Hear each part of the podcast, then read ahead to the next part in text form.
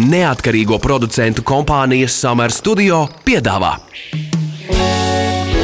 Ķepa uz sirds par viņiem, mūsu pašiem labākajiem draugiem. Raidījumu atbalsta Borisa un Ināras Teterevu fonds.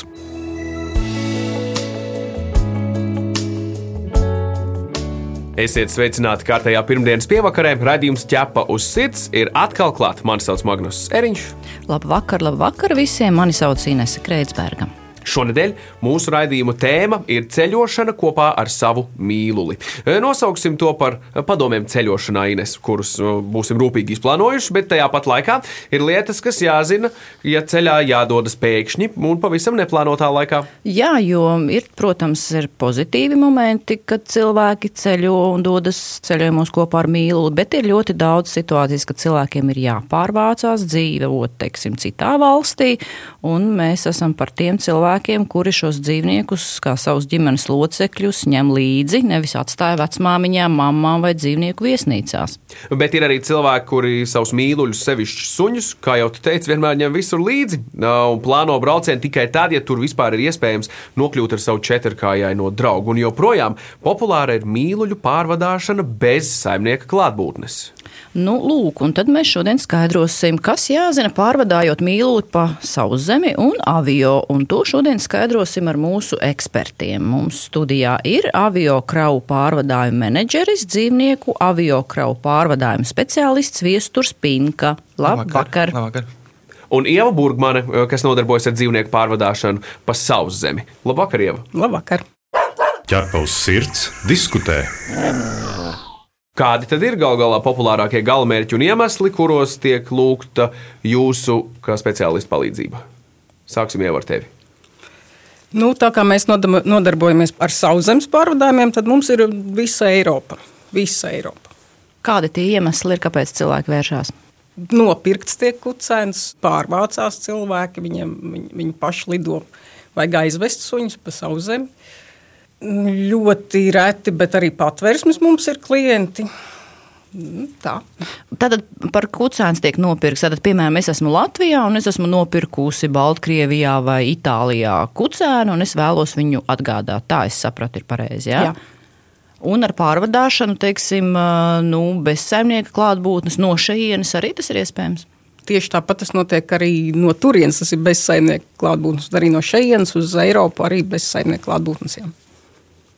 Mēs arī tieši nodarbojamies ar kravu pārvadājumiem. Tas nozīmē, ka cilvēks pats uh, nelido, un mēs noformējam dzīvnieku kā kravu. Ar vai bez saimnieku uz borta ir daži galamērķi, kā piemēram Londona un Dublina, kas ir ļoti iecienīti. Uz turieni nedrīkst sūtīt dzīvnieku, ne- nedrīkst ņemt dzīvnieku kā bagāžu, tikai un vienīgi kravas pārvadājumus. Tur mēs arī varam palīdzēt, noformējot viņu kā kravu. Un, uh, tātad gala saņēmēja lidostā, tā būtu Londona vai, vai Dublina, tur viņš arī tiek saņemts. Kādi vēl tie iemesli ir, kāpēc teiksim, tie dzīvnieki tiek vesti? Mēs pirms ieraksta runājām vēl par dažādiem dzīvniekiem, ne tikai suņiem, kaķiem. Nu, visizplatītākie ir divi. Tātad šis gadījums, kad pasažieris lido un ņem līdzi savu dzīvnieku uz jauno mītnes vietu vai arī atvaļinājumā. Un otra lieta, kas arī ļoti bieži, tas ir audzētāji audzē sunīšus, kaķīšus. Un uh, ir atraduši pircējus citur pasaulē, Amerikā, vai Eiropā, vai kādā citā pavisam eksotiskā valstī, piemēram, Jaunzēlandē, Austrālijā. Kas ar to zoodārzu bija? Jā, un, protams, zooloģiskais dārzs tā ir tā kā trešā kategorija, kad, piemēram, Rīgas zooloģiskais dārzs nosūta savu vilku un pretī saņem citu dzīvnieku pēc kāda laika. Tas arī diezgan eksotiski un ļoti interesanti. Tas, kas man likās interesanti un attiecās gan uz avio pārvadājumiem, gan uz sauszemes, ir tas, ka principā dodoties kaut kur ar savu kaķi, nu, sevišķi suni, vispār ir jāizpēta, vai konkrētajā valstī, kurā es gribu nokļūt, vispār mans suns nav aizliegts kā šķirne. Tas ir diezgan tāds, nu, vispār interesants uh, faktors. Uh, Kā jūs abi komentētu šo, piemēram, kādas ir tās valstis un kādi ir šie suņi? Jo es saprotu, ka par suņiem ir runa. Neviens kaķis nav aizliegts nekur. Māja ir galva eksperta. Kaķi droši, jā, ar kaķiem visur. Kaķis var sūtīt. Jā. Nu, jā, Skandināvijā ir aizliegti suņi, pitbullis, Norvēģijā arī Staffordshire terrieri un viss, kas ir saistīts ar vārdu staff. Turpat bija, man liekas, aizliegts. Nu, ir noteikti pirms kaut kur dodas, ir jā, jāpaņem un jāizlasa, vai kuras šķirnes ir aizliegts konkrētajā valstī. Nu, protams, ka kaut kāds kokeras panelis nebūs aizliegts nekur. Bet kaut kādas lielas šķirnes, kuras var uzskatīt par agresīvām, viņas var būt aizliegtas gan, gan Skandināvijā, gan Vācijā. Ir aizliegtas šķirnes. Un, un tādā garā, tā, noteikti, ja ir kaut kāda agresīvāka šķirne, vajag paskatīties pirms tam, vai, vai tur vispār drīkst braukt ar viņu. Ar Vāciju ir ļoti interesanti tas, ka viņi, piemēram, Vācijā nedrīkst ievest Staffordshire terjerus, bet tranzītā viņas drīkst sūtīt. Tad mēs varam caur Vāciju nosūtīt dzīvnieku, piemēram, nezinu, uz Bankoku vai uz Edinburgu. Viņš nedrīkst palikt Vācijā, bet viņu drīkst nosūtīt tranzītā cauri Frankfurtei. Tātad, ja mēs izmantojam Lufthansa, piemēram. Nu, piemēram, šis šāds brauciens, cik ilgs būs intereses pēc? Un... Nu, parasti ir tā, ja tiek sūtīts tranzītā caur Vāciju, tad vienā dienā A mēs nosūtām dzīvnieku līdz Vācijai, tur viņu izmitina dzīvnieku viesnīcā, un nākamajā dienā viņi tiek sūtīti tālāk ar nākošo reizi. Parasti tā.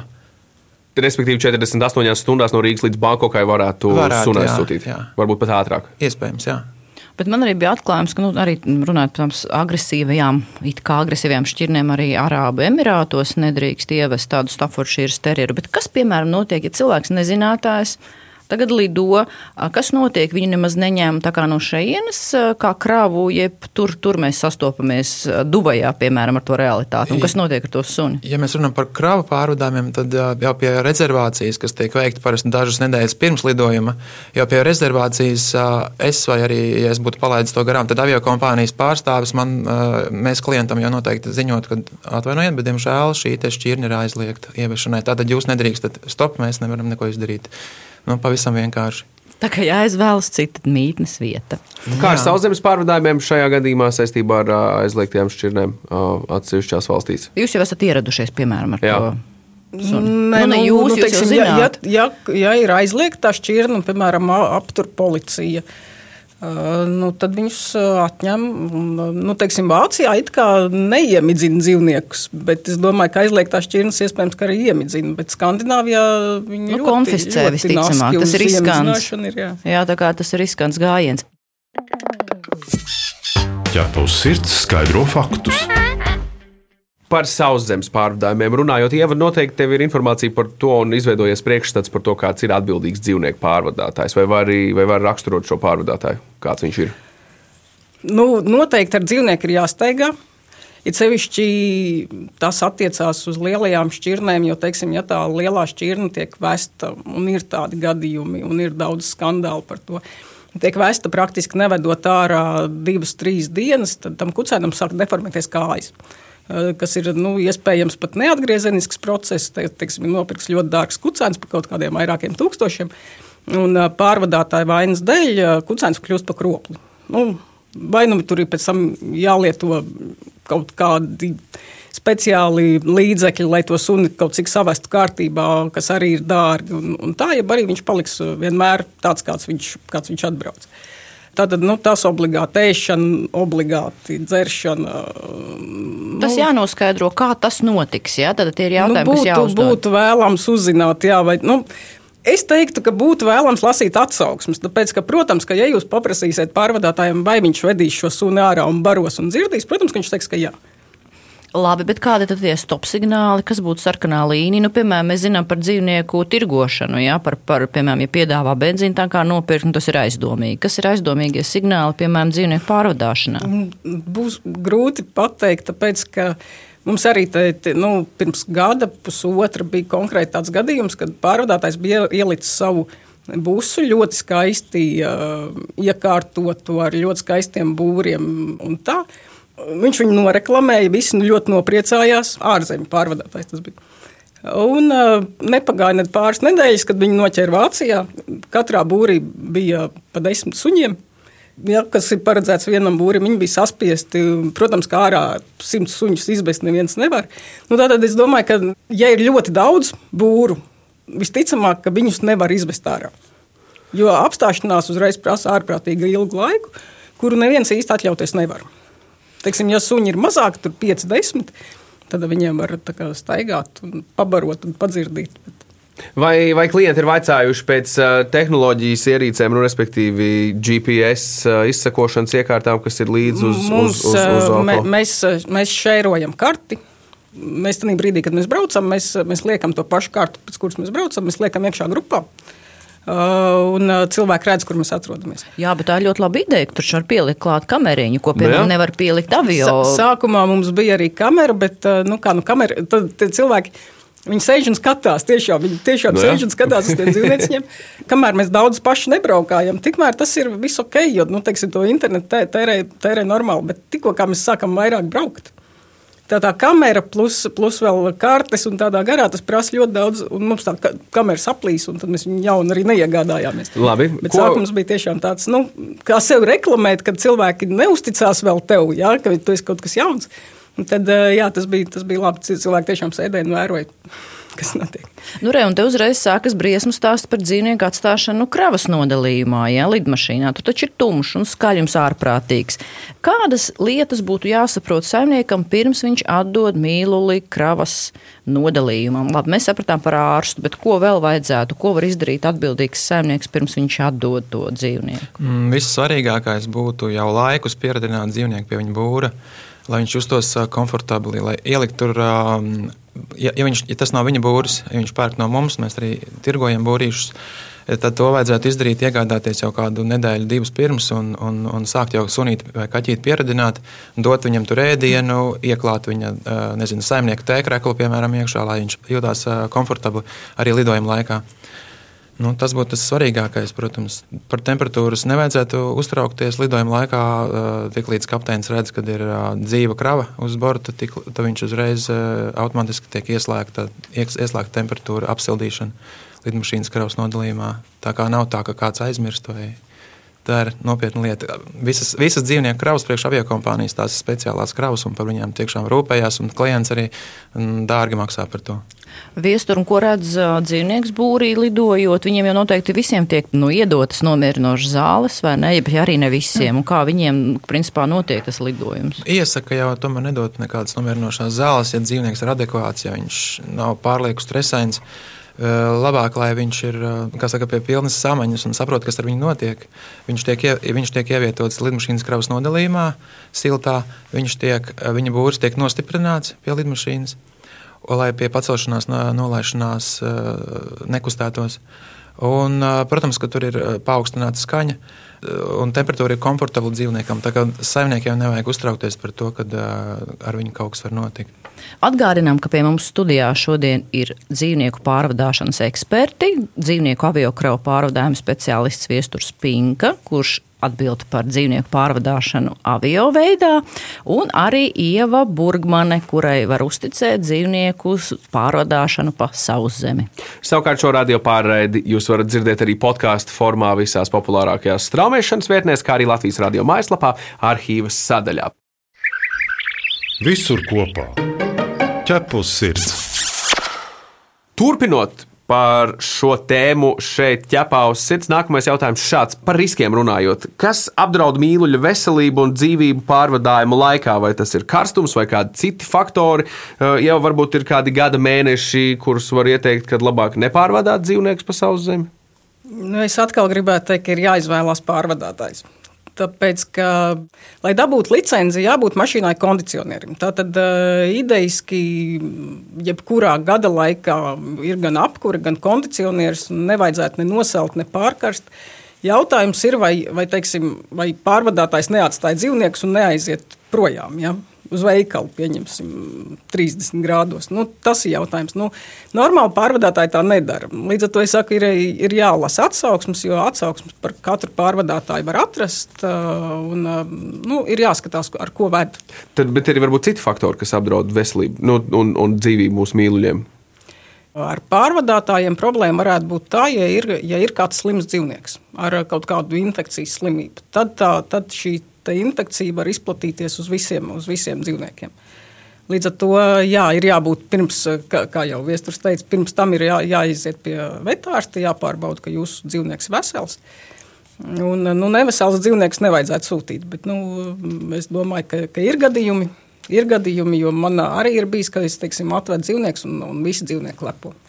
Jo tad kāds ir aizsūtījis dzīvnieku ar, ar audzētavu sklepu, un, un visi, visi dzīvnieki ir dabūjuši klepu. Nu, bet vienalga, piemēram, skaties, ir piemērs, jāatved ir franču buldogs, jā, un jāatved ir korgijas. Nu, vai tad nav tā, ka ieraugot, domājot tiem brahocefāļiem, uzreiz ir pavisam cita situācija, ka tur ir lielāks riska faktors, jo, piemēram, lidojot, cik zināms, vairākas avio kompānijas pat neļauj lidot ā, brahocefāļiem. Ir tā, kā tur ir tā? Ir, jā, bet neļauj lidot, neļauj ņemt pasažieriem kā bagāžu.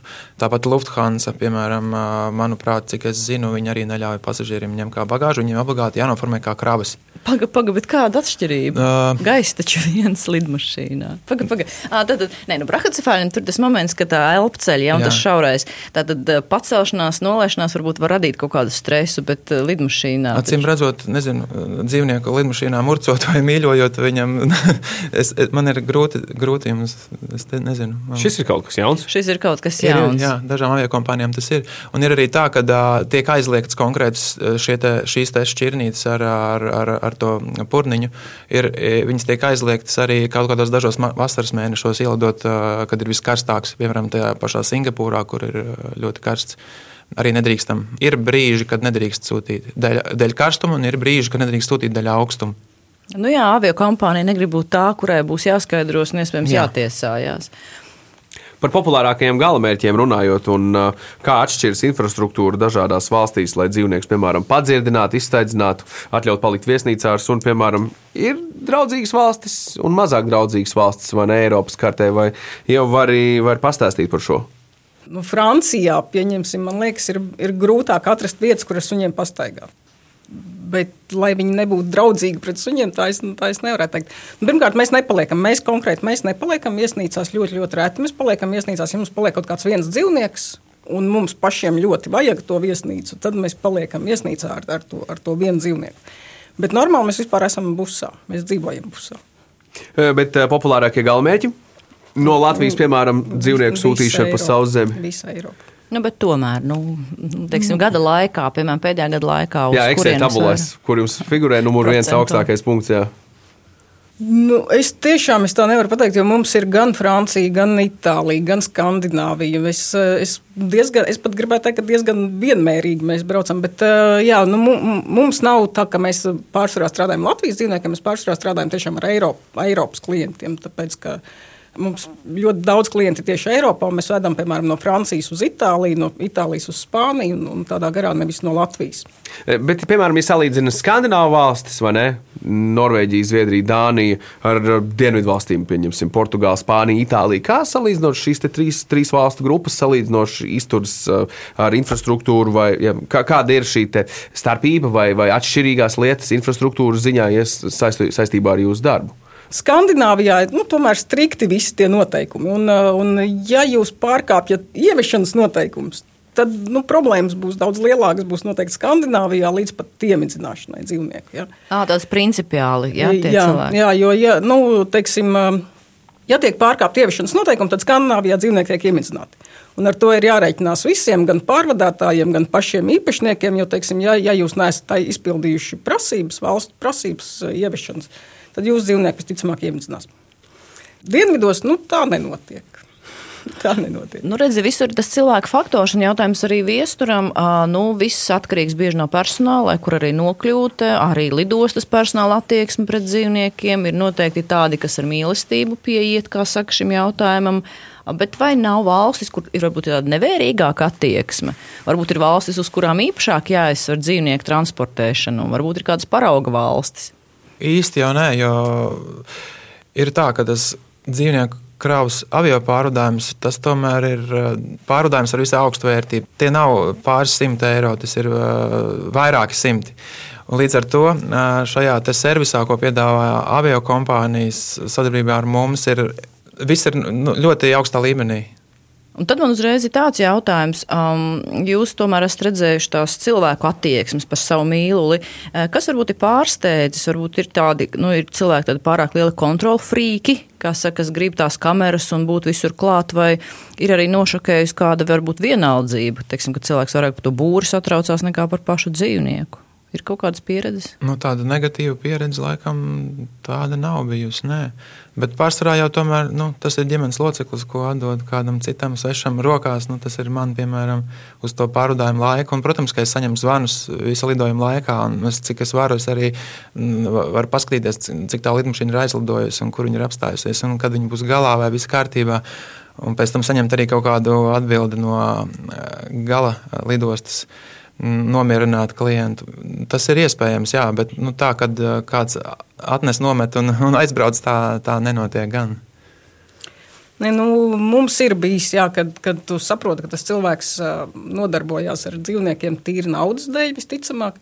Jo mums ir bijis tā, ka, jā, ka mums iedod dzīvnieku, mēs viņu ieliekam mašīnā, pievienojam šo cilvēku grupā, un viņš pēc piecām minūtēm no grupas aiziet projām, jo viņu tas neinteresē vienkārši. Nu, viņa neinteresē, nekur tas dzīvnieks atrodas, nekā viņš aizbrauc. Neko. Nu, ir tāda. Un tas pat nav no audzētāja lieluma atkarīgs. Nu, teiksim, nu, nu nav tā, ka teiksim, audzētājs, kuram ir daudz, to, to suņu neliksies nezinis, un, un audzētājs, kuram ir maz, noteikti ļoti, ļoti sekos līdzi. Nu, nē, nu, tas ir no cilvēka atkarīgs. Vai viņš to uzskata tīri par biznesu? Suņu audzēšana viņam ir biznesa. Un tad viņu tas īpaši neinteresē, kā tas, kā tas dzīvnieks tur nonāk galā. Ja, ja, ja, nu, jeb arī nu, viņš ar to nodarbojas, tāpēc, ka viņam patīk suņiem. Mūrāģam ķepa uz sirds.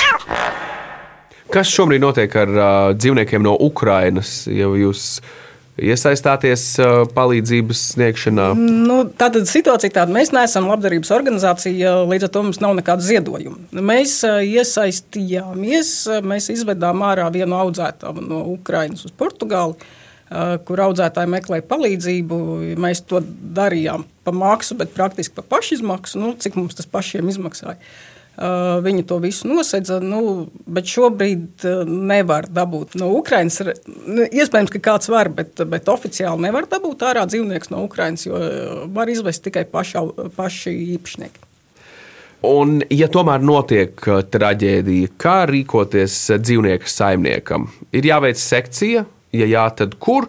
Uh, un, uh, lai noskaidrotu atbildību, ir uh, noteikti vajadzīga informācija. Vai ir, ir, ir arī šādi piemēri bijuši? Šādi piemēri nav bijuši. Jaut, nu, jā, ir, tā tad ir jāsaprot um, nāves iemesls. Jo, teiksim, ja, ja tā ir slimība, tad uh, visticamāk, ka ne divu dienu laikā viņi ir iegūti. Ja? Tad jautājums, nu, kur bija problēma? Nu, Tātad daudz pārvadātājiem ir jāuzņemas atbildība, tad, ja tā ir tiešām pārvadātāja vaina. Tātad, ja, nezinu, ja tas suns nav dzirdīts piecas dienas, pieņemsim, vai, vai nu, ir avārija notikusi, nu, tad tā ir pārvadātāja vaina. Ja, ja suns nomirst ne no šā, ne no tā, Visticamāk, ka tā ir kaut kāda iepriekšēja vaina, kur nu, ja ir jāveic sekcija un jāpārbauda. Nu, bet pārvadātājs jau reti teiks, ka tā bija viņa vaina, un iespējams, ka to, nu, to ķermeni var arī kaut kur pazaudēt. Tad, principā, dzīvnieku saimniekam jāsaprot, ka viņam jādabūta šis dzīvnieku ķermenis un jāved uz sekciju. Idejas, Savādāk jā. noskaidrot jā. patiesību nevarēs. Protams, jā. Bet eh, noslēgumā man tomēr gribējās pajautāt tādu jautājumu viesturam par tiem interesantākiem klientiem, kas bija jāpārvadā. Jūs teicāt, ka arī pingvīni bijuši. Kā, kā tas notika tā pārvadāšana? Jā, pingvīni Rīgas zoo tika ievesti pingvīni uz karantīnu, man liekas, no Skotijas kaut kādā uh, zoo dārza, lai tālāk ceļotu uz Ķīnu. Nu, tad mūsu darbiņš bija viņus nogādāt. Šķiet, ka mēs nogādājām, ja es pareizi atceros, mēs nogādājām līdz Berlīnai no kurienes tad tālāk ar kravas lidmašīnu viņi tika transportēti uz Ķīnu. Jā, tie bija pingvīni. Kas tur bija jāsarūpē? Ledus gabals, zivis? Viņi bija pabaroti. Tātad viņas līdz, mēs, mums bija jānogādā ar tiešo reisu līdz Vācijai, cik es atceros, un tad, attiecīgi, Vācijā jau e, tālāk no, viņus par viņiem parūpējās un, un noformēja tālāk uz Ķīnu. Bet ir bijuši arī gan, gan putni, gan vārdas, gan sūtām visām. Vārdas? Jā. Vārdas, starp citu, ir Rīgas zooloģiskā dārza viena no labākajām, pieprasītākajām eksporta precēm. Viņas labi, wow. ļoti labi šeit aug, ļoti skaistas mums ir tās indes vārdas, krāsainās, kas ir redzamas tropu mājā. Un daudziem zoodārziem tādu nav. Tad viņi ļoti labprāt viņas iegūst savā īpašumā, un kaut ko iespējams arī pēc tam, pēc kāda laika, Rīgas zoodārzam uh, dod kaut ko tādu pretī, kas nav pie mums sastopams. Cilvēciski interesi, cik liels būris ir vajadzīgs vārdei? Mm, kartona kastītē 40 reizes, 30 reizes, 20, piemēram, tur varētu 20 vardītas katru savā trauciņā ielikt un nosūtīt. Cilvēks uzreiz zina, Jā, vārds ekspertam vietā. Bet tieši tā. pagaidām, vai mēs varam saprast, ka nav tādu dzīvu radību, kuru atteiktos transportēt? Ja ir kaut kas tāds, nu, es nezinu, skunks, kas nav Haisi kastrēts. Skungsu, um, skungsu mēs vedām. Bet ta- tam noteikti jau bija dziedzera izoperēta. Jā, Es jā, pat zinu jā. noteikti šo gadījumu. Redz, cik Mums, mums, ir, mums ir arī, uh, nu, jā, arī tas gadījums uz Latviju, kurš, kurš brauc, bet uh, mēs arī jau uz Franciju tos pašus kungus esam veduši. Nu, tur ir labā ziņa, ka viņam izoperētie dziedzeri, bet ja jā, bet nebūtu viņi smirda vienalga, jo, nu, ja viņš apčurā, tad, oh, Bet pagaidi, ir varbūt tādi, kur jūs neņemtu. Nu, pašai nezinu, bail no zirnekļiem vai kaut kas Tas tāds. līdzīgi kā ar to augli, kuru neļauj nest iekšā durāna, durans, dur, jā. durjāns, laikam, kur nedrīkst nest lidmašīnās, vai dzīvniekiem jūs arī pie, piekopjat līdzīgu Nu, politiku ar s- smirdīgiem dzīvniekiem. topā ir skunks, laikam, jā, cits, cits neviens nekotējās. Man nav bijusi pieredze šāda veida dzīvniekiem. Es zinu, ka es žirafi diez vai nosūtītu. Viņai vajadzīga diezgan īp- īpatnējs krātiņš. Ārkārtīgi augsts un viņš grūti. Čūskas, jā, čūskas droši. Iguānas ir sūtītas un to visu var darīt. Tad interesantākais dzīvnieks, ko pārvadājas viesturs, ir pingvīni, Ronis arī, piemēram. ronis, bet kādu ronis viņam nevajag ūdens bļodā? Viņš tiek apslacīts. Pirms viņš tiek ā, vests uz lidmašīnu, protams, jā, dehidrācija nedrīkst pieļaut. Par, viņiem, par dzīvniekiem rūpējās. Zoologiskais dārzs pirms dzīvnieks tika vests uz, uz, uz reisu. Viņi viņu nopūta ar ūdenīti, lai viņš ir gatavs lidojumam. jā, tā kā tas ir nopietni. Kas eksotiskākais ievai bijis? Nu, es nezinu, vai eksotiskākais, bet jā, ar čūskām bija kaut kā mums viss. Jo viņas jāpiegādā 48 stundu laikā. Jo viņas ir tādā iepakotas, tādā vidē, kādā viņām jābūt ir nu, uh, kastēs, kas uztur to temperatūru. Viņas jāpiegādā 48 stundu laikā. Tāds nosacījums. Tā, tur mēs, nu, pirmais mēs skrienam ar tām čūskām, pēc, pēc tam pārējos. Nu, re, kā cik dzīvu radību, tik arī visādu ideju, kā ar viņām tikt galā. Un īsnībā tas, kas mums jāsaprot, ka patiesībā tie dzīvnieki ir mūsu ģimenes locekļi, un pēc idejas jau būtu jābūt tā, ka tur, kur mēs, tur arī viņi, un meklējam visādas iespējas, kā kopā ceļot un pārvietoties. Tieši tā, un visiem tiem cilvēkiem, kuriem šķiet, ka kaķi ielikt krātiņā, pārvācoties no dzīvokļa uz dzīvokli, ir sarežģīti, pamēģiniet kaķi nogādāt no Latvijas uz Singapūru, piemēram. Jā. Liels paldies šajā vakarā mūsu sarunas partneriem Viesturam Pinkam. Paldies, Viestur, par viesošanos šeit. Paldies! Kā arī Ievai Burgmanai, paldies par atbildēm un par jauno informāciju, ko varējām iegūt un uzzināt šajā ķepos sirds pārraidē. Tu esi mans draugs, ķepus sirds. Un atgādinām, ka ķepa uz sirds TV raidījums redzams sestdienās 11.15 un atkārtojumās svētdienas pēcpusdienā Latvijas televīzijas pirmajā kanālā. Mēs arī gaidām jūsu jautājumus, ierosinājumus, kā arī idejas sižetiem. Rakstiet mums uz info atķepauzsirds.lv. Bet šajā raidījumā tas ir arī viss. Mani sauc Inese Kreitsberga. Mani sauc Magnus Eriņš. Raidījumu veido neatkarīgo producentu kompānija Summer Studio. Visu labu! Atā! Ķepa uz sirds. Informatīvi izglītojoša raidījums par dzīvnieku pasauli un cilvēkiem tajā. Raidījumu atbalsta Borisa un Ināras Teterevu fonds.